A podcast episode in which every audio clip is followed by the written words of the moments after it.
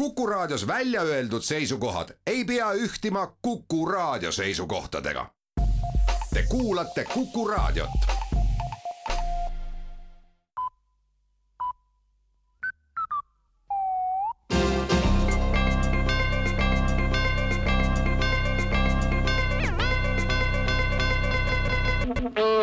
tere kuulama, uudistega eetris Rohke Develak majandusministeerium annab teada, et Auvere elektrijaama kasutusotstarvet on kavas muuta. elektrijaama ehitajatele on tehtud piisavas mahus trahve, et Auvere elektrijaam jätkab edaspidi trahvijaamana. nii on kasutegur oluliselt suurem ning ka ökoloogiline jalajälg on väiksem. trahvidest laekuvate summadega saab börsilt elektrit osta ja seda võrku jagada, ilma et jaam ise peaks elektrit tootma siiani on püütud jaama ju ennakalt panna elektrit tootma, aga trahvidest laekuvad summad ületavad ponnistused jaama traditsioonilisel viisil kasutamiseks. Auvere trahvijaam teenib järgmisel aastal nii palju trahve, et selle eest saab elektriga varustada enam kui sadat tuhandet majapidamist.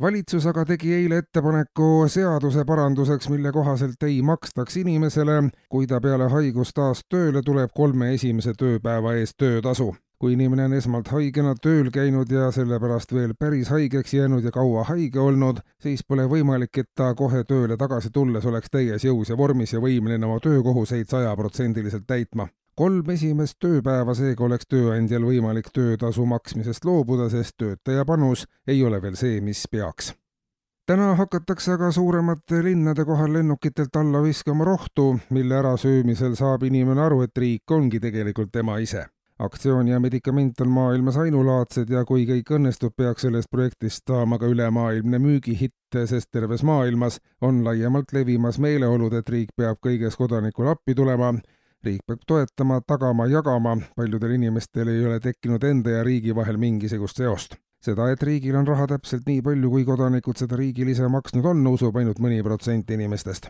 riigist räägitakse palju negatiivset, tihti riik reedab, petab, röövib kodanikku ning taganeb oma lubadustest.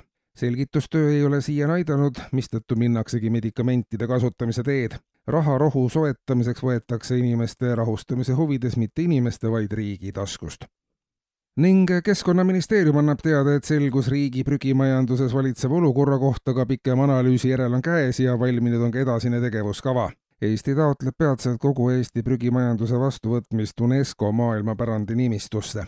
probleemist ja võimalikust prügitrahvist on nii võimalik teha hoopis suur õnnestumine, mis toob riigile tuntust ja positiivset huvi prügimajanduse maailmapärandisse lisamise peamiseks argumendiks on, et Eesti säilitab prügi maha mattes järeltulevatele põlvedele hindamatu arheoloogilise pärandi, mida uurides on tuleviku inimestel sadade ja tuhandete aastate möödudes võimalik taastada kahekümne esimesel sajandil elanud inimeste igapäevane elu ja olu tuleviku arheoloogid saavad meie prügilaid uurida nii, nagu praegu uuritakse näiteks Egiptuse leiukohti ja Eestis jagub väljakaevamist ainest juba praegu sadadeks aastateks. Eesti prügimajandus lisatakse UNESCO maailmapärandi nimekirja järgmise aasta lõpuks, märgib ministeerium teates.